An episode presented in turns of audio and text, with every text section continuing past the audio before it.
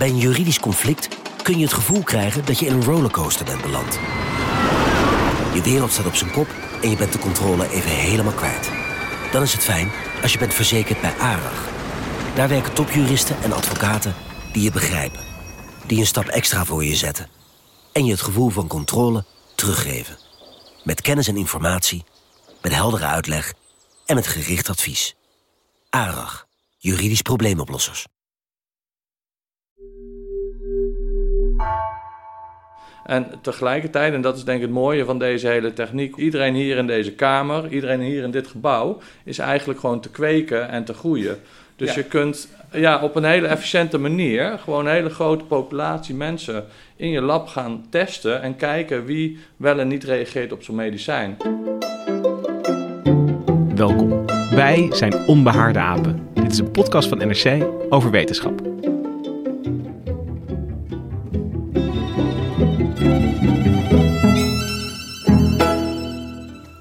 Zo'n 1600 mensen in Nederland hebben taaislijmziekte.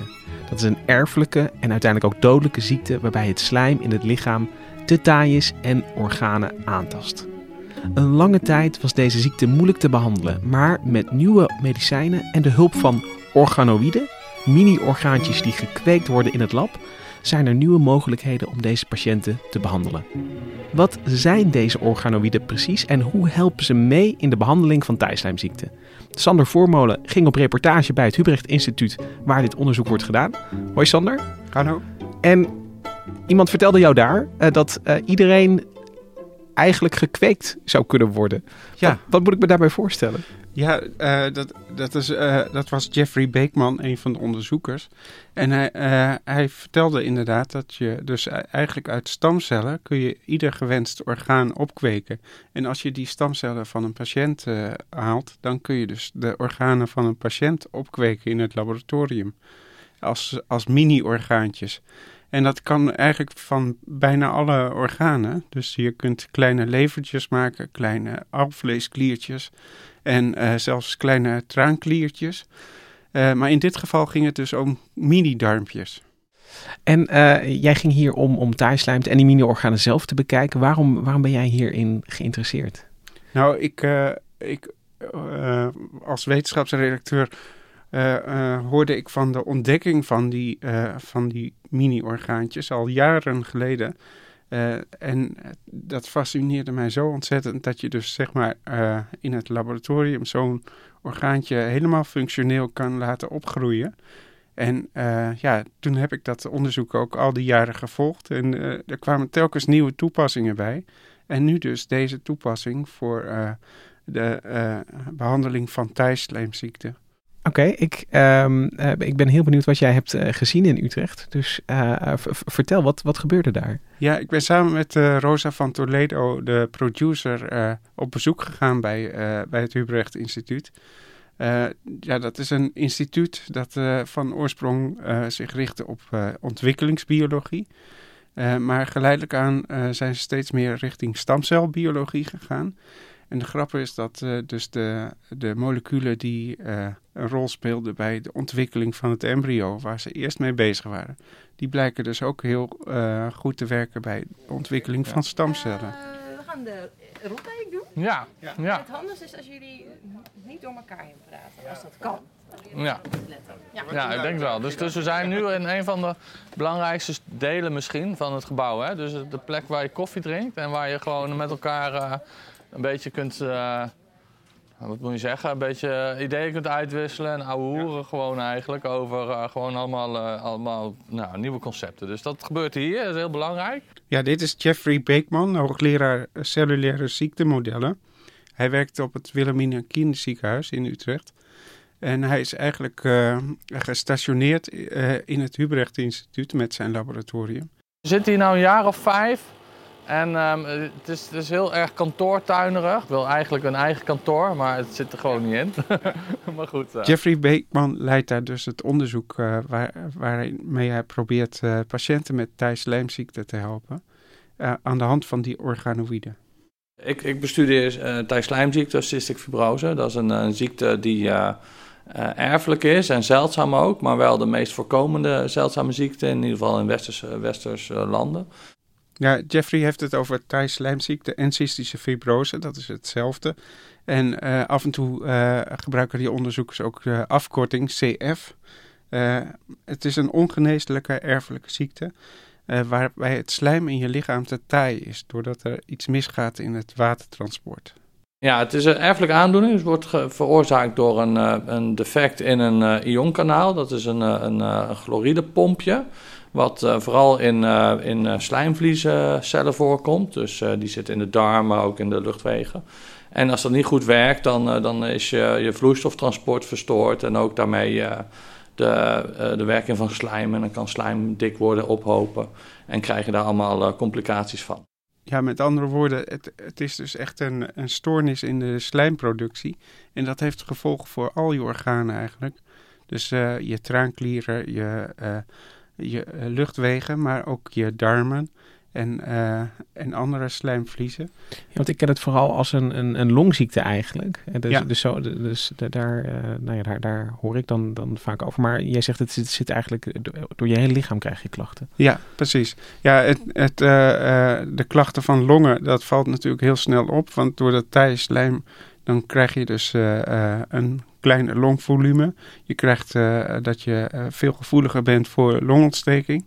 En uh, ja, dat zijn dus complicaties waar je het eerste last van krijgt. Maar, maar de andere dingen, die spelen ook mee. En ja, dat is dus ook echt een groot probleem voor mensen die dit hebben.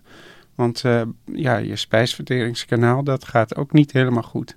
Ja, dus je kunt je wel voorstellen dat het uh, best belastend is voor mensen die het hebben. En vroeger was de levensverwachting van deze patiënten ook heel laag.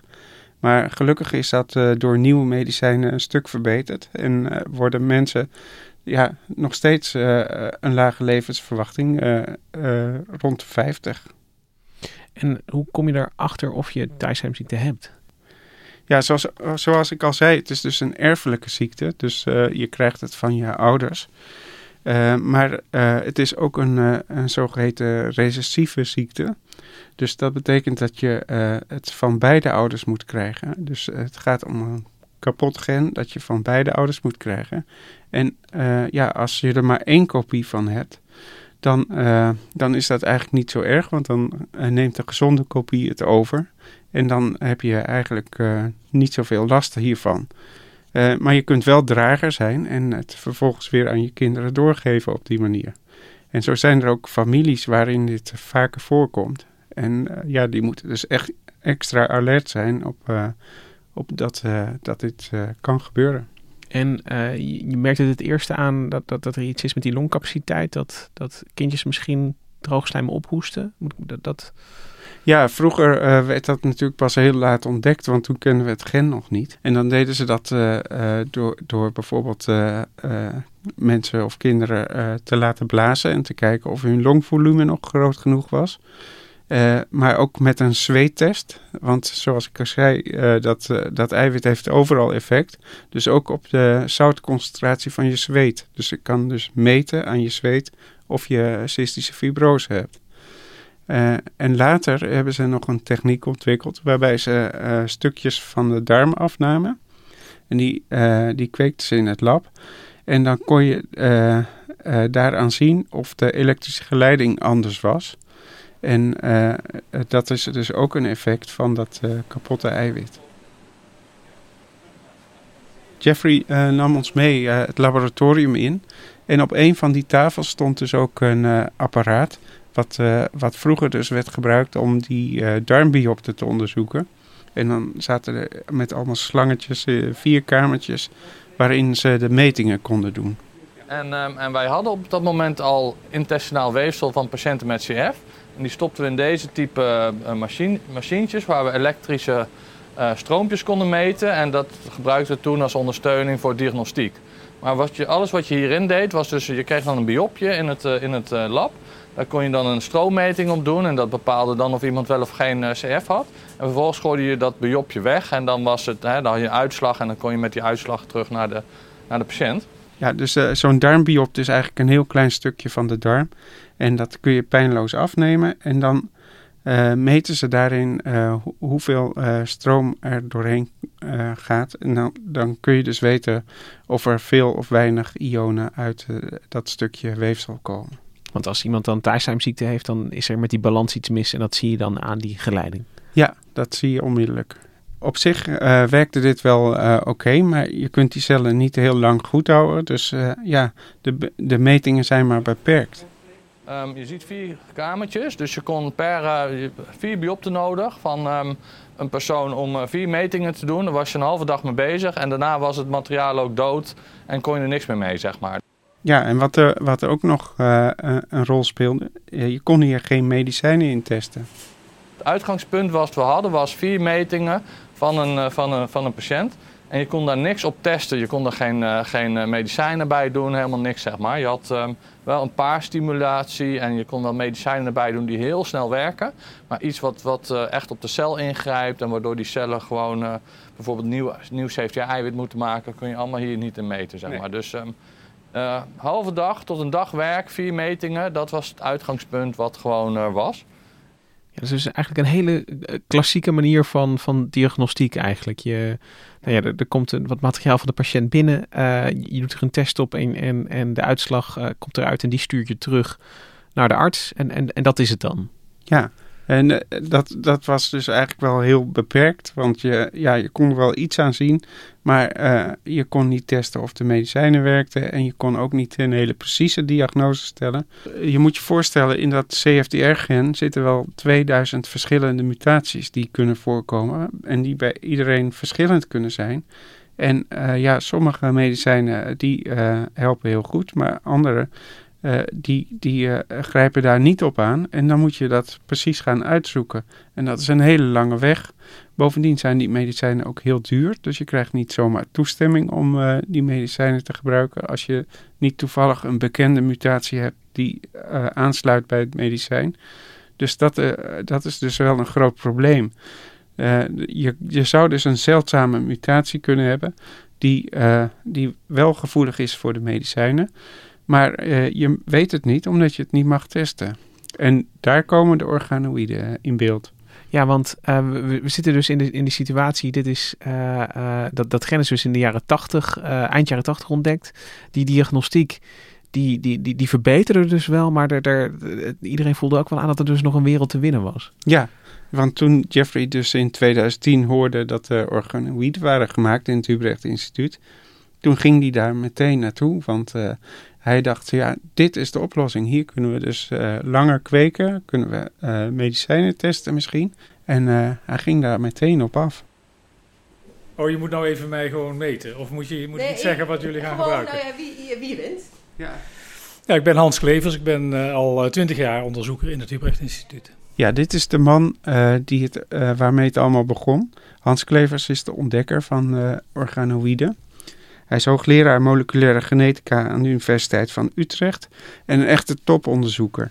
Uh, hij begon met uh, onderzoek naar darmkanker en uh, hij ontdekte dat daar ook een soort regulatie van, van die groei was. en zo begon hij eigenlijk ook met het onderzoek naar stamcellen. En is dan het idee dat er dan, dan onder elke kanker ook ergens een, een, een stamcel ligt? Moet ik het zo voor me zien? Uh, nee, dat, dat niet. Maar uh, het was voor Hans Klevers wel de aanleiding om op zoek te gaan naar de uh, stamcel in de darm. Want dat is dus een, een, een cel die eigenlijk alle andere cellen in, de, in de darm vormt. Dus je weet dat die stamcel er is, want die darm vernieuwt zichzelf. Dus die moet er ergens, moet er een bron zijn. Ja. Je moet hem alleen vinden. Ja, en dat was dus heel lastig, want uh, uh, ja, niemand had dat ooit uh, ontdekt in de, in de darm. Maar uiteindelijk hebben ze dus een, een, een, marker gevonden, dus een eiwit dat alleen in stamcellen zit. En dat hebben ze speciaal kunnen aankleuren. waardoor ze die stamcel ineens konden zien. Het bleek een heel klein celletje in, een, in putjes van de darm waaruit dus uh, uh, iedere keer nieuwe cellen tevoorschijn kwamen. En toen bedachten we ineens, hey, die, die stamcellen zijn zo druk, totaal tegen wat onze leerboeken ons vertelden, wat ze zouden moeten doen. Deze stamcellen moeten we uit het lichaam kunnen halen van zo'n muis, ze geven licht. Dus dat is te doen. We weten waar ze zitten, we hebben er apparaten voor. En we wisten ook ondertussen wel zo'n beetje wat die stamcellen allemaal in die darm nodig hadden om actief te blijven aan weer aan goede signalen. Uh, dus uh, zoals een kok precies weet welke ingrediënten die uh, in, in zijn soep moet stoppen om het een hele goede soep te maken. Zo wisten zij van welke ingrediënten ze nodig hadden om stamcellen te kweken. En nou, zijn we hier letterlijk, nou niet aan deze, maar de voorganger van deze tafel gezeten en zitten uh, bedenken van nou dit moet erbij, dat moet erbij, dat moet er zeker niet bij en dat moeten we blokkeren. En dan doen we dat in een gelletje in drie dimensies, niet plat op plastic zoals meestal cellen worden gekweekt, maar in een, in een beetje collageen eigenlijk, in een gelatineachtig materiaal. En dat lukte eigenlijk de eerste keer tot onze stomme verbazing. Ja, dus die stamcellen die, die bleven dus leven buiten het uh, lichaam. En die konden ze dus gewoon kweken. Dat, dat was eigenlijk heel fantastisch. Maar het ging toch iets anders dan ze dachten. De bedoeling was eigenlijk om, om van één stamcel gewoon heel veel stamcellen te maken. Dan wordt je leven makkelijk als onderzoeker. Maar ja. er gebeurde iets heel anders. En dat was echt een aha-erlevenis. Uh, dat hoor je bijna nooit eigenlijk in de wetenschap staan bekend om aha-erlebnissen, maar van alle wetenschappers die ik gesproken heb, weet ik dat hetzelfde zo gaat. Dus ik ben wel heel benieuwd wat dat dan was. Nou, wat er gebeurde was dat Hans uh, had een, een postdoc van hem, een Japanse postdoc, die Toshiro Sato heette, die Hans Toshi noemt. Die had hij gevraagd om die, die darmstamcellen te kweken. maar ja, dat had hij gevraagd en hij hoorde maar niks. Dus uh, na een tijdje ging hij maar eens langs. Het was al drie maanden later. En toen uh, hoorde hij van uh, van... Ja, het is gewoon gelukt. We, we keken ze al drie maanden zonder problemen. Nou, dat was dus een enorme verrassing. Want dat hadden ze nooit verwacht dat dat zo goed zou lukken. En toen ze beter keken, bleek het ook niet alleen maar stamcellen wat ze zagen. Maar het waren echte mini-darmpjes geworden die hier groeiden. En, en een mini-darm, wat, wat moet ik me daar dan bij voorstellen? Hoe ziet dat eruit? Ja, dat is um, een bolletje van cellen. Uh, het is hol van binnen. En uh, ja, daar zitten dus al die cellen in die normaal ook in, uh, in een darm zitten. Het is eigenlijk het, de darmbekleding aan de binnenkant. en als je die bolletjes bij elkaar brengt, dan vormen ze zelfs een buisje. Dan wordt het echt een darmpje. Maar de onderzoekers kweken ze zo op dat dat ze um, een beetje los van elkaar zijn. Dus dan blijven het bolletjes. En daar kun je dus heel mooi aan zien van uh, hoe een darm eigenlijk werkt. Uh, wat je hebt is alleen het darmslijmvlies uh, dus, en de cellen die daarbij horen. maar de, de zenuwen, de bloedbanen en de spieren die zitten er niet bij. En dit begint dus in wezen met bij wijze van spreken één stamcel. Daar, daar, daar begint het mee en dat, dat, dat groeit uit tot, tot het hele toch al kleine complexe bolletje waar dus verschillende cellen door elkaar bezig zijn. Ja, ieder uh, etmaal deelt zo'n uh, stamcel zich en dan, dan uh, de, de cel die daaruit ontstaat, hè, daar komt er een bij, die, die kan zich verder specialiseren tot darmcel. En die stamcel blijft gewoon op zijn plek en die blijft zich delen. En, en ja, dat is dus gewoon een productiemachine voor allerlei uh, darmcellen die hieruit ontstaan. En, en nog steeds is dat een beetje een raadsel. Maar er zit natuurlijk uh, honderden miljoenen jaren evolutie achter dat zo'n stamcel precies weet hoe die een stukje verloren gegaan darm weer maakt. En blijkbaar weet hij dat ook als hij in zijn eentje in een plastic schaaltje zit. En dan is het uh, mini-orgaantje er, de, de mini-darm is dit. Um, hoe komt dat dan uiteindelijk bij Jeffrey Beekman terecht en bij zijn patiënten?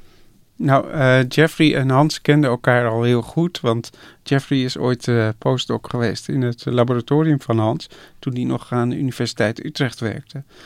Dus uh, ja, die hadden snel een deal.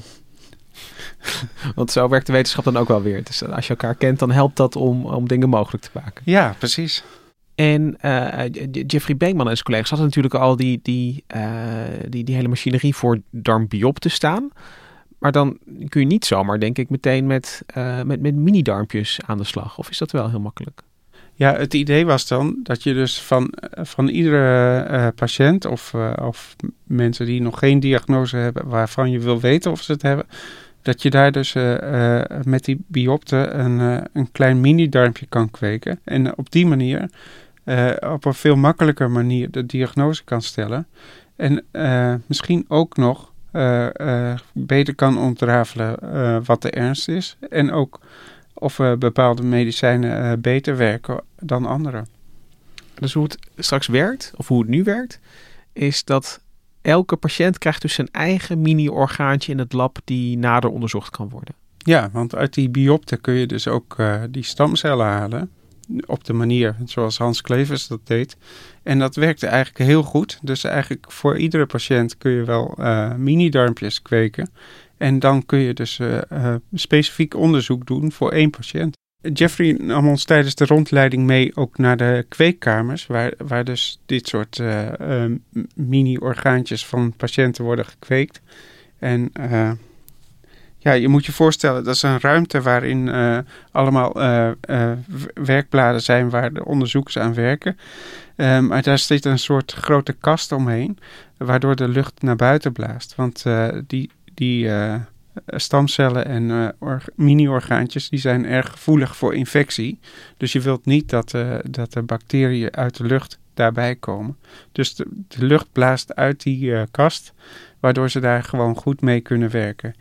En dan, dan bewaren ze die cellen en ze laten ze groeien in een, uh, een soort broedstoof. Dat is een, een, een, ja, zeg maar een koelkast, maar een, kast die, die, die dan niet koelt, maar die houdt het keurig op 37 graden. Dat het een lichaamstemperatuur heeft, dat het in dezelfde condities blijft, waardoor ze ja, het fijn vinden om in te leven. Wie je nu hoort is Paul Niemuller. Hij is een student in het lab van Jeffrey. Hij doet onderzoek naar uh, Thijs-slijmziekte en het bijzondere is dat hij zelf ook patiënt is. En heeft hij dan ook zijn eigen darmpjes dan in, in de stoof staan daar? Ja, dat heb ik hem ook gevraagd. Maar hij zei van niet. Oké. Hij liet ook zien hoe dat kweken in zijn werk gaat. Eh, dat doen ze in, uh, in, een, uh, in een bakje. Dat is een perspex bakje. waar 48 gaatjes in zitten. Het lijkt een beetje op zo'n zo'n ijsklontjesplaat waar, waar je de ijsklontjes in, in maakt. Maar uh, in dit geval is dat dus vrij klein en daar zitten dus die stamcellen in. En die laat hij dan groeien in een, uh, in een soort limonade. Dat zijn dus alle stoffen die uh, nodig zijn voor de groei. Dat is het geheime mixje van uh, Hans ja, Klevers. Het ziet nou ja, die, dat zit er ook bij. Maar verder is het gewoon het standaard mix wat wat we moleculair biologen wel vaker gebruiken om uh, cellen te kweken. Het ziet eruit als frambozenlimonade, zo'n zachte roze kleur. Maar, maar goed, uh, die cellen uh, voelen zich daar heel lekker en worden lekker warm gehouden en groeien dus uit tot mini-darmpjes. En als ze het fijn vinden, dan kan je ook de beste metingen doen. Als, als je organoïden hebt die doodgaan of het niet fijn vinden, dan zijn je metingen ook iets minder betrouwbaar natuurlijk. Dus uh, je, wil, je wil de optimale condities hebben om uh, je metingen te doen. Ja, ja. Paul liet uh, ook zien hoe ze eruit zien onder de microscoop. En dan zie je dus ja, onregelmatige bolletjes en perfecte ronde bolletjes. En ja, al die verschillen, die, die betekenen wat. En wat je ziet is typisch dat bij CF uh, zie je die organoïden eigenlijk een beetje samenklonteren en een beetje samenzitten. Nou, ik kan het zo laten zien. Ja. En bij de wildtypen zie je eigenlijk dat ze een heel mooi lume hebben. Heel mooi in het midden hebben ze gewoon een soort uh, ja, bolling. Uh, ik...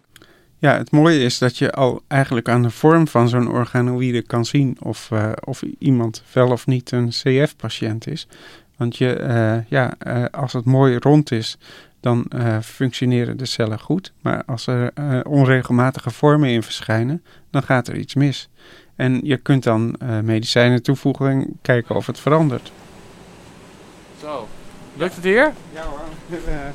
Even de, de gezonde en de, en de aangedane ja. uh, mini-darmpjes gezien. Duidelijk hè? Ja. Het is echt een wereld van verschil. Ja. Dus, de, dus de vraag is als je dus medicijnen gaat toevoegen aan die aangedane mini-darmpjes, of ze eruit gaan zien als het een gezonde. Ja.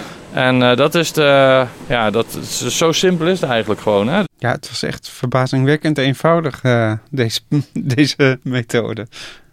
Uh, ze kunnen nu uh, gewoon in één keer uh, tegelijk honderden patiënten testen.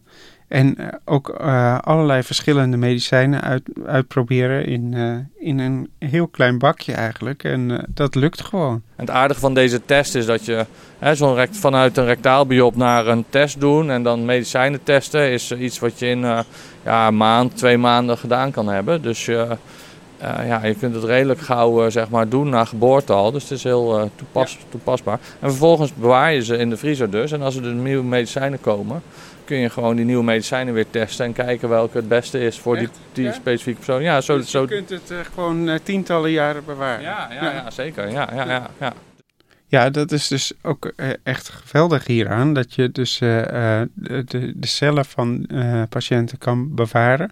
En voor toekomstige medicijnen weer uit de vriezer kunt halen. En weer kunt kijken of, of die dan werken.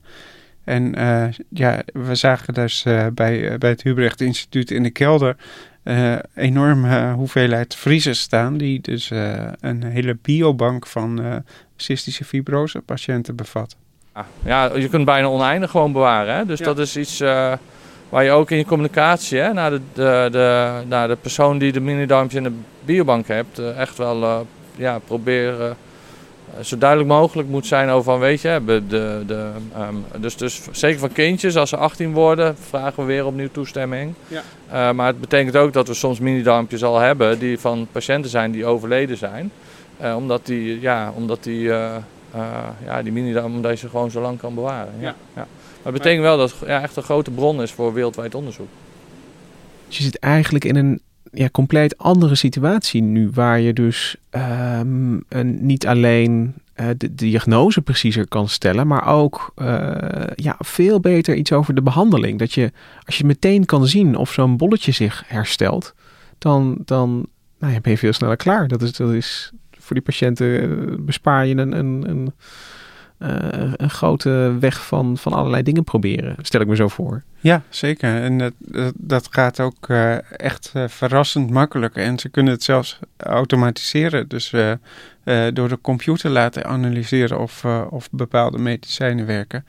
En ja, dat, dat is een enorme vooruitgang. En uh, nu dit zo kan uh, op grote schaal, uh, met, een, een, een met, met een fijne test, wordt dit nu ook de nieuwe standaard in Nederland? Nou, dat is, dat is nog wel lastig, omdat dit is natuurlijk een hele nieuwe methode en die moet dan wel gevalideerd worden en overal geaccepteerd. dus ja, dat is nog even een een hobbel die genomen moet worden. Ja, want het is dit moment is het nog eigenlijk het, het front van de wetenschap. Er, er, wordt hier nog eigenlijk heel fundamenteel onderzoek gedaan. Ja, maar uh, tegelijkertijd is uh, in Utrecht wel het, uh, het, het landelijke expertisecentrum op het gebied van deze ziekte. Dus ja, wat dat betreft is, is dat helemaal op zijn plek daar. Ja, maar het, het, is nog niet helemaal afgestudeerd in dat het nog niet een, een het heeft nog geen vaste plaats zeg maar in de, de hele ja, diagnose en behandeling van Thaisheimziekte. Nee, nee, in Utrecht wel, maar uh, ja, elders in de wereld nog niet. Nee. En uh, dit zijn mini-darmpjes en een toepassing bij Thaisheimziekte. Maar um, nou ja, dit, is, dit is één geval waarin dat goed wordt uitgezocht. Maar kun je dit ook met andere organen en andere ziekten doen? Jazeker. Ze hebben ook al uh, een heleboel andere organen gekweekt. Bijvoorbeeld mini-levertjes, mini-niertjes, mini-alvleeskliertjes. En uh, ja, dat, dat gaat gewoon op dezelfde manier, maar dan net iets anders. Maar toen is Toshi gaan proberen met een ander orgaan, de alvleesklier, het pancreas, waar helemaal geen actieve stamcellen in zitten. En dat werkte ook. En uh, toen bleek wel dat we voor elk orgaan eigenlijk de condities weer net iets moesten optimaliseren. Bijvoorbeeld voor uh, borstweefsel te kunnen groeien, daar moet oestrogenen bij. Uh, voor prostaatweefsel, daar moet er testosteron bij. Maar uiteindelijk kun je vrij snel een, een mix van groeifactoren vaststellen, waarbij je eigenlijk van elk orgaan wat je zou willen iets kan kweken. En is het dan, zijn die mini-orgaantjes, ik stel me nu een hele dierentuin voor me met, met, met alles in een kweekschaaltje. Kun je die dan ook uh, meteen gebruiken om uh, andere ziekten te diagnosticeren of uh, behandelplannen vast te stellen? Ja, bijvoorbeeld, nu hebben we net de pandemie meegemaakt. zijn deze mini-orgaantjes ook gebruikt voor onderzoek naar COVID? te kijken hoe het virus binnendringt. En dan kun je dus meer zien dan alleen in een cel. Maar dan, dan zie je dus het in de samenhang van het orgaantje. Dat is denk ik het mooie van deze hele techniek, hoe Hans het heeft op, op, op uh, ontwikkeld. En ook de robuustheid van die mini-darmpjes. Dus iedereen hier in deze kamer, iedereen hier in dit gebouw, is eigenlijk gewoon te kweken en te groeien. Dus je kunt ja, op een hele efficiënte manier gewoon een hele grote populatie mensen in je lab gaan testen en kijken wie wel en niet reageert op zo'n medicijn. Dus als je dat gaat, hè, als je vroeger moest je medicijnen, studies ontwikkelen, had je de al je preklinische modellen gebruikt, had je de beste kandidaat eruit geselecteerd. En dan ging je het maar in mensen uitproberen op basis van uh, ja, hoe hun ziektebeloop was. Uh, maar nu kun je dat dus heel gericht gaan doen op basis van of mensen ook echt daadwerkelijk al responsiviteit laten zien. Dus je kunt je studies veel kleiner maken, je kunt de, de succesrate zeg maar, van je studie omhoog gooien. Dus daarmee kun je het hele proces gewoon, uh, als het goed is, natuurlijk veel, veel efficiënter maken. En daarmee ook kostentechnisch veel ja, efficiënter maken. Ja, als uh, Beekman dit zo vertelt, heb ik eigenlijk twee, twee gedachten. Het eerste is dus echt dat er iets, uh, gewoon iets toegevoegd aan, nou ja, waar je vroeger cel, proefdier, patiënt had, heb je daar nu een, een, een, een stapje bij eigenlijk. Het is, het is menselijker dan een proefdier, maar nog niet zo complex als de totale mens. Maar het, het, je, zit, je zit wel ja, op een zekere manier dichterbij. En, en je kunt wel veel ja, makkelijker dingen proberen. Ja, dat klopt, ja. ja. En het, het tweede is, als uh, Beekman zo vertelt over kosteneffectiviteit en, en dat soort dingen, dat is natuurlijk ook een kant van, van het onderzoek en het labwerk. Dat ja, nieuwe medicijnen ontwikkelen is ook uh, business. Uh, daar, uh, ik bedoel, je kunt fundamenteel onderzoek doen, maar je kunt het ook binnen een biotechbedrijf doen. wordt dit ook al opgepikt door de farmaceutische industrie als iets waar, waar ze nou ja, veel potentie in zien? Ja, daar vroeg ik ze ook naar aan het einde van de rondleiding, toen we nog even nagesprekken hadden. Uh, ja, uh, dat is natuurlijk nog wel een beetje lastig, want een nieuwe methode uh, accepteren, dat, is, dat vergt altijd een, een grote omslag in het denken van de farmaceutische industrie, maar vooral ook van, van de regulatoren, dus de overheidsinstanties die toezicht houden.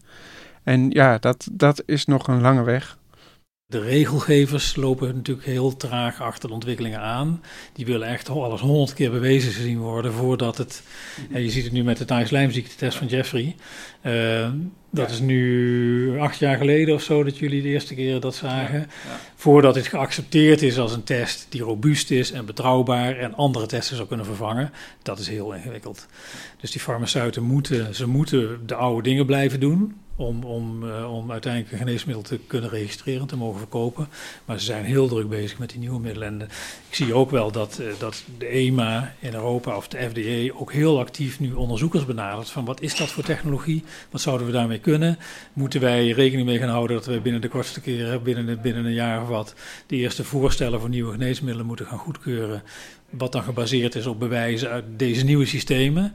Ja. dat loopt op dit moment allemaal. En, en, uh, en de cystic fibrosis, of de taaie slijmziekteorganieden uit Nederland, uh, zijn daar een beetje een, uh, de, de, eerste, de eerste pilot om te kijken hoe de, in dit geval de EMA daarop op reageert. Ja, ja dus, dus als je er ineens iets naast zet, naast die proefdieren en naast die cellen, dan zitten al die regelgevende instanties ook ineens met, een, uh, met een, een, nieuw probleem voor hen eigenlijk. Van hoe moeten we dit nou afwegen tegen al die andere onderzoeken waar we veel meer ervaring en deskundigheid mee hebben. Ja, ja, precies. Maar je ziet wel dat dit dus uh, ontzettend goed werkt. En dat, dan is het, ik kan me ook wel voorstellen, best frustrerend voor Jeffrey en Hans dat het zo lang duurt voordat het geaccepteerd wordt. Ja, aan de andere kant ook ja, het, is natuurlijk het systeem zoals we dat hebben opgetuigd ergens.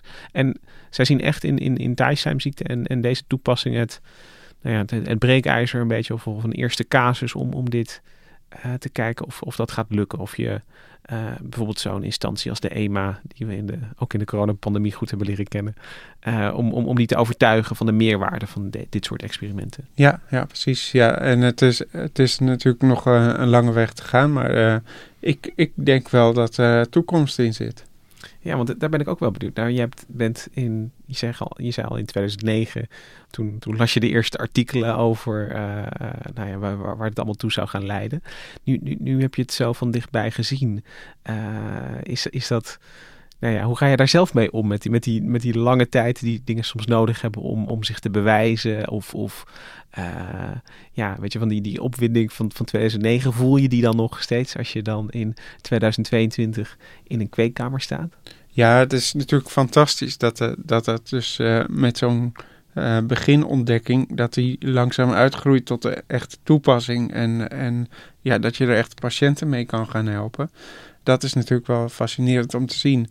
Ja, voor mijzelf uh, als medisch redacteur uh, uh, hou ik me natuurlijk met een heleboel andere onderwerpen bezig. Dus af en toe kom ik eens kijken bij Hans of Jeffrey om te kijken hoe het gaat. Maar ja, dat zijn dan momentopnamen. Maar voor hun is het natuurlijk een hele lange weg waar ze continu bezig zijn geweest met dit probleem. Ja, en je hebt de luxe om de krenten soms uit de pap te vissen. Ja. En op spannende momenten even mee te kijken. Ja, precies. Nou, dankjewel Sander dat je ons, uh, ons ook even mee liet kijken met, met wat er gebeurt uh, op het uh, gebied van de organoïden. En nou ja, wie weet in de toekomst hier nog, dus nog meer toepassingen van. En dan, dat denk ik wel. Ja, we gaan je, hier nog meer van horen. Dan moet je gewoon weer terugkomen, denk ik, en hierover vertellen. dankjewel Sander dat je hierover wilde vertellen. Dankjewel Rosa van Toledo voor de productie van deze aflevering. De muziek die je hoort, die wordt gespeeld door het Dudok Quartet. Wij zijn er volgende week weer met een nieuwe aflevering. Tot dan. Okay. Nou, wil ik even naar jou. Uh, jij uh, onderzoekt eigenlijk je eigen ziekte. Ja. Dus zou je kunnen vertellen hoe dat voor jou is? En, en ook uh, ja, hoe, het, hoe het is om ziek te zijn, bijvoorbeeld. Ja. ja. Nou ja, dat, in eerste instantie vond ik dat helemaal niet zo heel bijzonder. Want eh, toen ik klein was, ik wilde altijd wel iets van artsen worden of iets in die trant. En toen dacht ik toch ook wel van, oh, het zou het wel gaaf zijn om uh, onderzoek te doen in de ziekte die ik zelf heb. Zeker uh, omdat er toen nog geen efficiënte medicatie was. en dat doe ik nu. En dat is, ja, ik vond het eigenlijk helemaal niet zo bijzonder totdat anderen mij erop gingen attenderen van, vind je dit niet raar? Is het niet confronterend? En toen dacht, toen dacht ik, nou, het is misschien wel, wel bijzonder inderdaad. Want je, eh, je kijkt dan ook door de microscoop naar je eigen... Uh, nee, nee, dat mag niet. Dat mag niet. Dat, dat, mag uh, dat, dat is een soort uh, verboden, verboden regel. Dat, dat, dat mag niet met je eigen cellen onderzoek doen. Nee. Ja, nou, in, in vroege tijden, dus honderden jaren geleden, was dat heel normaal dat de artsen hun eigen ziektes gingen ja. onderzoeken. Ja. maar ja, dus, dus je staat wel in een traditie wat dat betreft. Ja, ja. ja precies. ja. ja. ja. Oké, dankjewel.